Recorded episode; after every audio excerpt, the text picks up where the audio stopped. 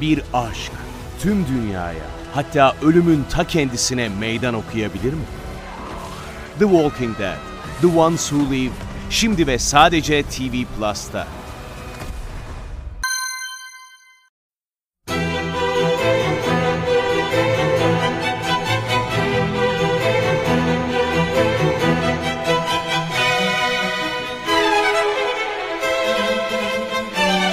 Herkese merhaba, Sinematris'te Görkem Öge ile birliktesiniz. Bu haftaki programımızda hem sinemanın gündeminden birkaç haber vereceğiz, bu haberler üzerine yorumlar yapacağız. Hem de haftanın en çok konuşulan filmi olan Blonde'dan bahsedeceğiz. Malum Marilyn Monroe'nun hayatını anlatan, kariyerini anlatan diye anılan en azından Marilyn Monroe'dan bahsetmiş olacağız. Ama öncelikle gündeme bir göz atalım. Vermek istediğim haberlerden bahsedeyim size.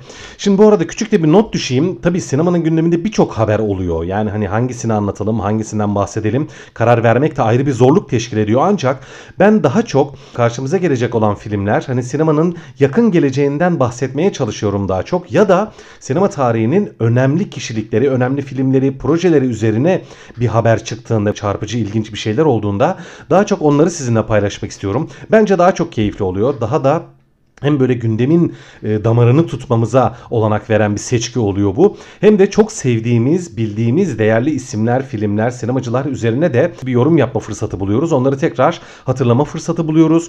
Öncelikle vereceğim haberler yine sinema tarihinin en önemli yönetmenlerinden bir tanesi olup son bir böyle bir 10 yıldır falan biraz böyle hani hala bir şeyler üretiyor olsa da eski gücünde karizmasında olmayan ve ne yazık ki sevenlerini üzen yönetmenlerden bir tanesi üzerine. Kim bu? Tim Burton. Tim Burton çok önemli bir yönetmen gerçekten. Hayranları olan bir yönetmen. Çok önemli filmleri olan bir yönetmen. Hani Edward Makaseller mi diyelim, Ed Wood mu diyelim, Batman mi diyelim, Charlie'nin Çikolata Fabrikası mı diyelim. Hangi filminden bahsetsem bilmiyorum. Çok zengin bir filmografisi var ve çok kendine has bir sineması var gerçekten. Tim Burton'dan zaten geçmiş programlarda daha önce bahsetmiştim. Şimdi uzun uzun anlatmayayım ancak bir süredir Tim Burton eski gücünde değil yakın zamanda Tim Burton'ın Üzerine iki tane çarpıcı haber duydum. Birincisi Netflix için Wednesday diye bir dizi yaptı Tim Burton bildiğimiz çarşamba tam olarak Türkçedeki. Hani bu dizi şimdi ilginç bir şey. Aslında Tim Burton hani daha önce pek dizi yaptığını pek duymadığımız bir yönetmendi ama tabii ki Netflix artık tüm sinema dünyasına damgasını çoktan vurdu. Oscar'larda da boy gösterdi. En büyük bütçeli filmler arasına giren projeleri de oldu. Yani şimdi Netflix zaten artık hani çok güçlü bir platform. O nedenle hani kim olursa olsun Netflix için çalışırsa aslında artık şaşırmıyoruz. İşte bu kervana diyelim hani Netflix için çalışan çok değerli, çok önemli yönetmenler, sinemacılar Yıldızlar Kervanı'na Tim Burton da katıldı. Bu diziyi merakla bekliyor hani tüm Tim Burton sevenler aslında hani duyanlar en azından diyeyim.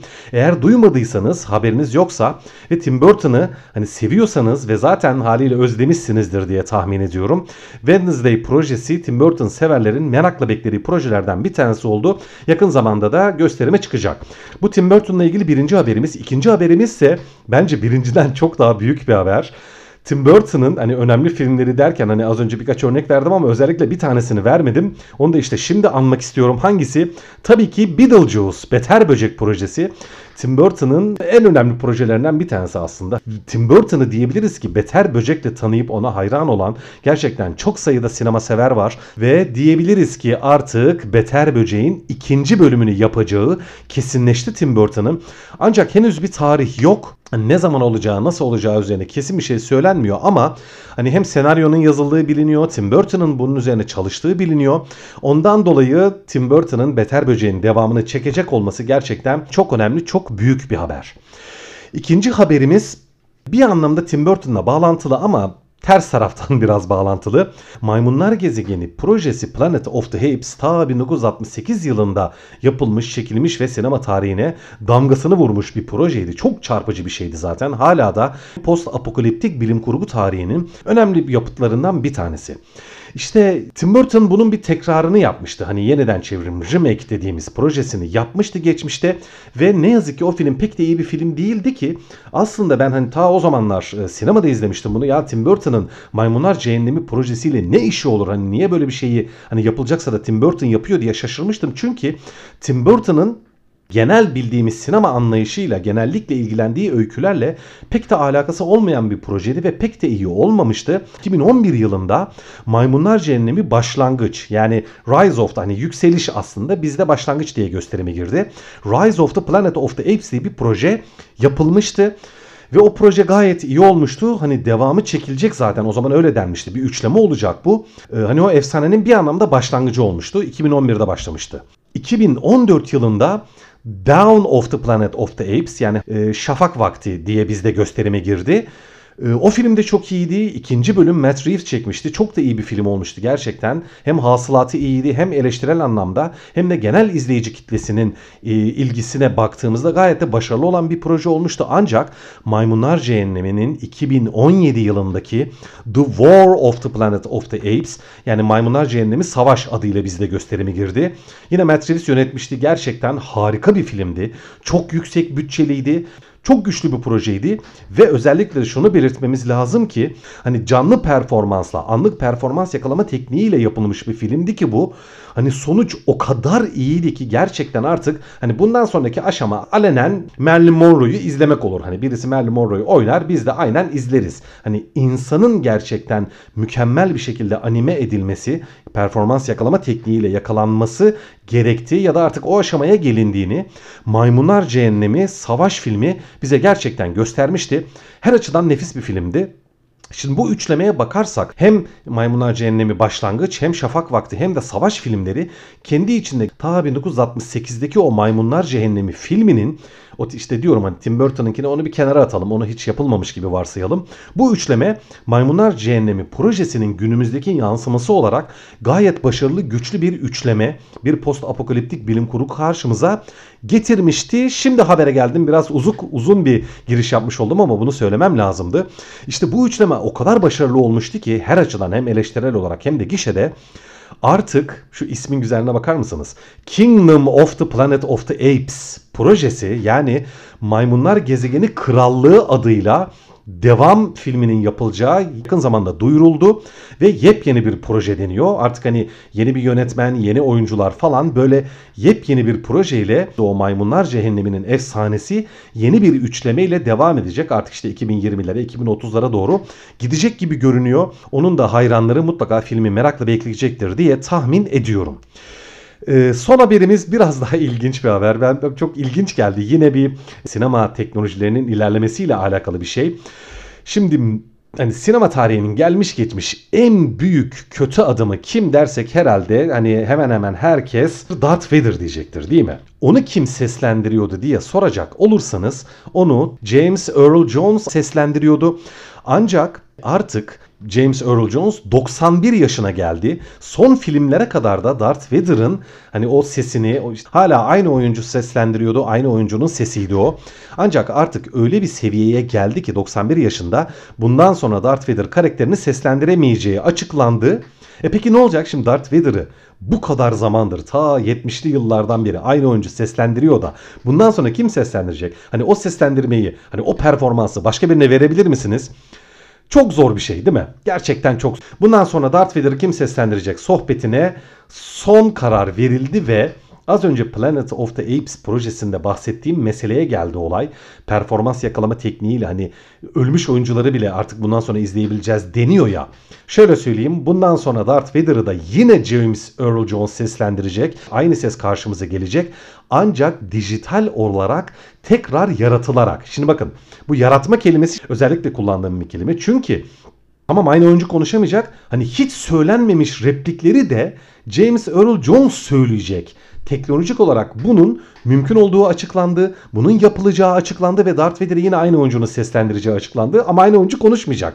O anlamda Star Wars severlere buradan güzel bir haber verebiliriz. Darth Vader severlere, onun hayranlarına aynı sesle bundan sonra sınırsızca artık hani zaten bir kez yapılıyorsa bundan sonra da elbette hani sonsuza kadar böyle olacaktır. Hani Star Wars'un eğer 48. bölümünü de izliyor olacaksak ve orada Darth Vader var olacaksa yine aynı sesle Darth Vader'ı deneyimlemek mümkün olacak. Bu açıklandı. Bununla ilgili de resmi yani resmi açıklama yapıldı. Hiç merak etmeyin. Hani Darth Vader bundan sonra asla değişmeyecek dendi. Bu da çok güzel bir haber bence. İşte hani sinema teknolojilerinin tabii gelişmesi de Hani hepimiz için bence iyi. Hani buna biraz böyle mesafeli yaklaşan şeyler sinema severler hatta sinemacılar olmuştur. Hep de olacaktır. Yapacak bir şey yok. Ancak bence bunun çok güzel tarafları da var. İşte Darth Vader'ın sesinin dijital olarak aynı kişinin sesiyle karşımıza gelecek olması e, çok da güzel bir haber. Diyorum ve bu haftanın haberlerini şimdilik e, bitiriyorum. Önümüzdeki hafta gündeme tabii ki devam edeceğiz ve esas derdimiz diyeyim aslında. Blond derdimiz oldu. Ne yazık ki bir derde dönüştü. Blond ne yazık ki şu an tam anlamıyla linç ediliyor. Çünkü film gerçekten kötü bir film. Neden kötü bir film? Ee, bunun için de şöyle küçük bir giriş yapmam lazım. Hani filmlerde bir öykü anlatılır. Karakterin başına şu geldi, bu geldi, şöyle oldu, böyle oldu. Hani bir öykü dizisi, eylem dizisi vardır. Arada da öyküyü devam ettirmeyip meydana gelen bir olayı ya da bir öykü parçasının o karakterin üzerindeki etkilerini gösteren sahneler vardır. Yani çok basit bir örnek vereyim. Atıyorum işte iki sevgili bir araya geldiler. Öpüştüler, seviştiler, mutlu oldular, güzel bir ilişki yaşadılar. Sonra ayrıldılar diyelim ki. Şimdi öykü burada bitti. Sonra ne olur? Atıyorum işte karakterin bir tanesi odasında hüngür hüngür ağlıyor. Şimdi o sahne nedir? Aslında bir duygusal sahnedir o. Orada öykü devam etmiyor. Şimdi Blond'da durum ne biliyor musunuz arkadaşlar? Andrew Dominic nasıl bir şey yapmış? Bir aşk tüm dünyaya hatta ölümün ta kendisine meydan okuyabilir mi? The Walking Dead, The Ones Who Live, şimdi ve sadece TV Plus'ta. Marilyn Monroe'nun başına gelen olayları neredeyse hiç göstermiyor. Sadece Marilyn Monroe'yu iyi ya da kötü etkileyen olayların Merlin üzerine etkilerini gösteriyor sadece. Marilyn Monroe'nun esas olayı nedir biliyor musunuz arkadaşlar? Hani Marilyn Monroe deyince aklınıza nasıl bir şey gelsin? Onun hani tam böyle odak noktasını size söylemeye çalışayım. Marilyn Monroe aptal sarışın rollerine çok uygun olan bir tip olmasına rağmen aslında hiç de aptal olmayan, gayet zeki, gayet entelektüel, hem çok yetenekli, hem çok becerikli, hem çok çalışkan falan. Yani harika bir insan aslında Merlin. Ama herkes ondan aptal sarışın bir aptal celebrity kariyeri, aptal sarışın imajı yüklenmeye çalışılan bir kişi oldu. Merlin her zaman. Ama aslında onun karakteri, kişiliği, yeteneği vesairesi öyle değildi. O daha çok ciddiye alınacak işler yapmaya çalıştı. Ancak daha çok magazin dünyası Merlin'le ilgilendi ve o magazin dünyasının beklediklerini vermek zorunda kaldı. Çok seksisin Merlin, çok harikasın, çok güzelsin falan. Hani herkes ona bayıldı, öldü, bitti. Ama onun istediği imaj, onun inşa etmeye çalıştığı imaj, yapmak istediği şey bu değildi. Temel olarak Merlin'in iç çelişkisi, iç çatışması bu. Ve artık o kadar fazla ilgi gördü ki, o kadar fazla hani celebrity camiasının diyeyim, o kadar geniş kitlelerin ilgisine masal oldu ki ne yaparsa yapsın istediği kitleye hitap edemedi gibi bir durum vardır Merlin'in kariyeriyle alakalı. Ve Merlin hani bu, bunu ayarlayamamıştır. Zaten hani şöyle babası hiç yok. Daha doğrusu hani babasının kim olduğu belli değil iki kişi üzerine hani ya şu hani belki şudur ya da belki budur gibilerinden kesin olmayan bilgiler var böyle. Yani Merlin'in babasının kim olduğu net değil öyle söyleyeyim. Annesi de zaten hani bir anlamda yarı akıl hastası. Çok hani ruhsal sağlığı, psikolojik sağlığı yerinde olmayan ve hani hiçbir zaman Merlin'e annelik yapamamış bir kadın. Merlin bir anlamda ailesiz de bir kadın olduğu için çok da böyle bir dayanak bulamadığı için biraz sahipsiz kalmış bir kişilik aslına bakarsanız. Şimdi Merlin'i hani psikolojik durumunu sallantıda olan bir karakter. Hani o işte selebrite dünyasının, sinema dünyasının üzerine gelen korkunç o baskının ağırlığını kaldıramayan bir karakter olarak çizilmesinde bir mahsur yok. Bu zaten gerçek. Ancak film hiçbir öykü anlatmıyor dediğim gibi. Sadece Merlin'in o başa çıkamadığı psikolojik e, açılımları falan bize görsel olarak göstermeye çalışıyor. Ama bunu yaparken hiç öykü anlatmadığı için Merlin'in neyi niye tercih ettiği, neyi nasıl yaptığı, hangi tercihleri hangi niyetlerle ya da planlamalarla yaptığı üzerine film neredeyse hiçbir şey anlatmadığı için tamamen Merlin'in duygusal dünyasına pencere açmaya çalıştığı ancak bu duygusal dünyanın nasıl biçimlendiğini bize göstermediği için tamamen kendinden kopmuş, neyin için yaptığı bilinemeyen, tamamen kontrolsüz ve sürekli böyle hani o duygu durumundan bu duygu durumuna savrulan bir Merlin çizmiş film. Şimdi bu durumda hani bu o kadar kötü bir anlatım olmaya başlıyor ki yani film bir seviyeden sonra. Merlin o kadar kontrolsüz, o kadar hani saçma sapan bir karaktere dönüşüyor ki inanamazsınız. Samimi söylüyorum inanamazsınız çünkü ben inanamadım. Olay nereye varıyor biliyor musunuz? Tabi spoiler vermek istemiyorum. Filmde ilginç bazı anlar var böyle ama e, Marilyn Monroe'nun Başkan Kennedy'ye e, oral seks yaptığı bir an ve o anı yönetmen Merlin'in gözlerine yakın çektiği bir plan var mesela filmde. Bakın hani o hani Merlin öyle yerlere sürükleniyor ki ne, niye, nasıl, niçin oluyor? Hiç kimsenin bir fikri yok. Yani izleyicinin de fikri yok, Merlin'in de fikri yok ve Merlin Başkan Kennedy ile böyle gerçekten çok böyle hani aşağılanısı diyeyim bir cinsel paylaşımda bulunuyor. Bir seks sahnesi var falan. Hani kapı açık işte adamları içeriği görebiliyor falan. Ya ya ne oluyor arkadaşlar diyorsunuz yani film hani nasıl bu noktaya gelebildi? Neler oldu? Ne oldu? Nasıl oldu da Merlin hani bu kadar diyorum ne yaptığını bilmeyen, bu kadar hani kişiliğinden, karakterinden, aklından, mantığından tamamen kopmuş, tamamen kontrolsüz ve gerçekten şey böyle hani aşağılayıcı, gerçekten aşağılayıcı bir karakter haline getirmiş film Merlin'i. Ve bunu da diyorum hani biz hani az çok az önce size bahsettiğim hani Merlin işte hem ailesiz hem de yapmak istediği projeleri yapamayan ve hani geniş kitlelerin ondan hiç de istemediği, beklemediği bir diyorum selebritiye dönüşmesinin e, zorluğunu yükünü kaldıramaması dedim ya az önce hani bunu anlattım ya. Tamam hani biz bunu biliyoruz belki ama bunu film anlatmıyor. Gerçekten film bunu anlatmıyor. Film savrulan Merlin'in o garip duygusal hallerinden fotoğraflar veriyor bize o kadar.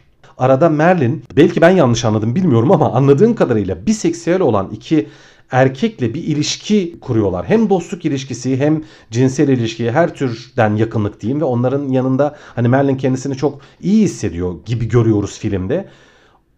Birden filmden o iki karakter yok oluyor. Şimdi ne oldu? Nasıl oldu da o karakterlerle diyorum Merlin bozuştu mu? Üzüldü mü? Birbirlerini kırdılar mı?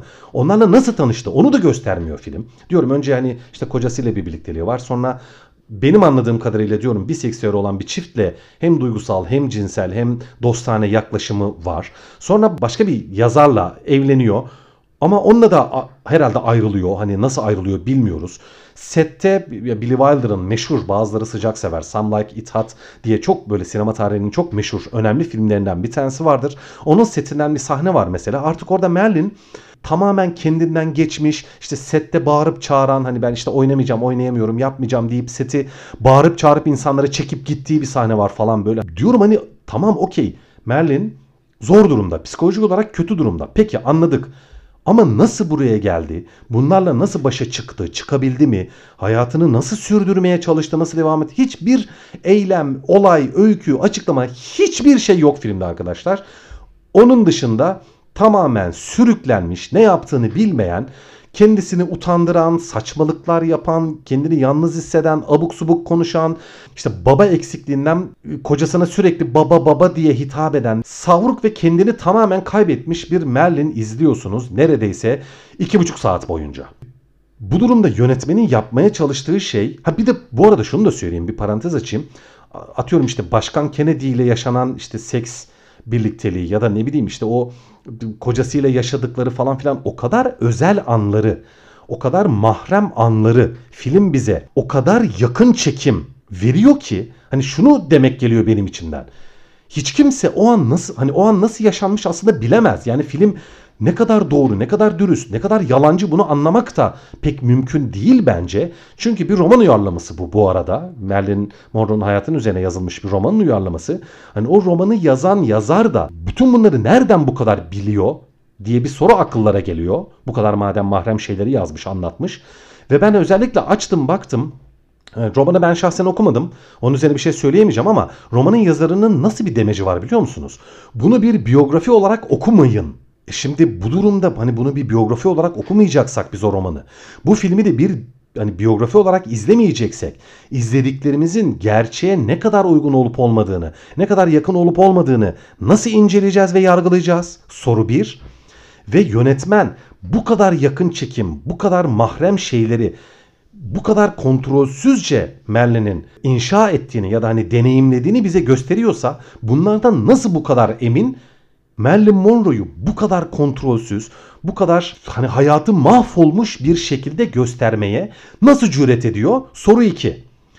Hani kabaca böyle söyleyeyim hani söyleyecek birçok şey daha var film üzerine ancak ne yazık ki Blonde kötü bir film olmuş. Hatta bence Marilyn Monroe'yu aşağılayan bir film olmuş. Filmin tavrı, yaklaşımı, tercih ettiği, benimsediği tarz bence gerçekten eleştirilesi ve ne yazık ki çok kötü. Ne yazık ki kötü. Dediğim gibi yapmak istediğini yapmış yönetmen ama yapmak istediği şey gerçekten tartışmaya çok açık. Son olarak da sohbeti bitirmeden önce Ana de Armas hani çok kez ondan bahsettik. Burada da bahsedeyim. Ne yazık ki ben Ana de Armas'a çok üzüldüm. Niye biliyor musunuz? Çünkü Marilyn Monroe'yu bence Ana de Armas gerçekten güzel oynamış. Performansı çok iyi. Oscar'larda kesin boy gösterecektir. Benim hiç şüphem yok. Yani en azından adaylık alacaktır çok yüksek olasılıkla. Ya da şöyle söyleyeyim hani küçük bir esneklik bırakayım. Şöyle film linçlendiği için aslında IMDb notu falan da çok düşük. Rotten Tomatoes notu da düşük. Tüm dünya sinema severlerinin girip baktığı böyle ilgilendiği sinema ortamlarında da filmin notu düşük olduğu için belki Ana de Armas aday gösterilmeyebilir. Yani onu bilmiyorum ama aslında performans olarak hak ettiğine eminim. İşte bu hani film bu kadar şüpheli olunca da Ana de Armas'ın hani bu performansı biraz araya gidecek ya da hani bu kadar kötü bir filmde bu kadar iyi bir performans ya çok yazık olmuş dedim içimden gerçekten. Diyorum hani çok uzattım kusura bakmayın. Kötü bir film derken neden bu filmin kötü bir film olduğunu bu şekilde hani açıklanması gerektiğini düşündüğüm için bu kadar detaylı bir açıklama yaptım. Onun dışında daha birçok şey söylenebilir hani filmin teknik tarafı, görsel tarafı vesaire ama ya bir de 2, 2 saat 45 dakika yani çok da uzun bir film. Neredeyse hiçbir öykü anlatmayan ya da hiç hani kendisini öyküye dayandırmayan diyeyim en azından bir filmin 2,5 saatten daha uzun sürmesi de zaten çok zor. Birçok kişi zaten filmi izlemekte çok zorlandık, sıkıldık falan da da demişler. Ondan dolayı arkadaşlar özetle artık e, tamamlayayım. Blond filmi ne yazık ki bir hayal kırıklığı bence. Ondan dolayı filmin akıbeti ne olur? Filmin üzerine hani başka hani nasıl fikirler döner işte Oscar'da boy gösterir mi? Bunu artık önümüzdeki günlerde göreceğiz. Eğer Blond filmiyle alakalı sıra dışı bir yorum, sıra dışı bir ne bileyim eleştiri, inceleme, açıklama vesaire bilmiyorum belki yönetmen yazar ya da işte romanın yazarı ya da belki işte Ana de Armas yarın bugün bir açıklama yapar mı? Ben takipçisi olacağım çünkü gerçekten çok merakla beklenen bu projeydi. Çok büyük bir proje, çok önemli bir proje ama dediğim gibi linçlenmiş bir proje olduğu için bundan sonra da filmin hani akıbetinin e, ne olacağı haber teşkil edecek diye tahmin ediyorum. Bu konuda da sizi aydınlatmaya, size hani bir şeyler söylemeye çalışırım diyorum. Ee, evet e, bu hafta biraz uzattık kusura bakmayın. Hem gündemden birkaç haber vermeye çalıştım size. Hem de Andrew Dominik'in yönettiği Ana de Armas'ın Marilyn Monroe'yu oynadığı ve Marilyn Monroe'yu anlatan Blond filminden bahsetmeye çalıştım. Evet bu haftalık bu kadar. Önümüzdeki hafta tekrar görüşmek üzere. Teşekkürler.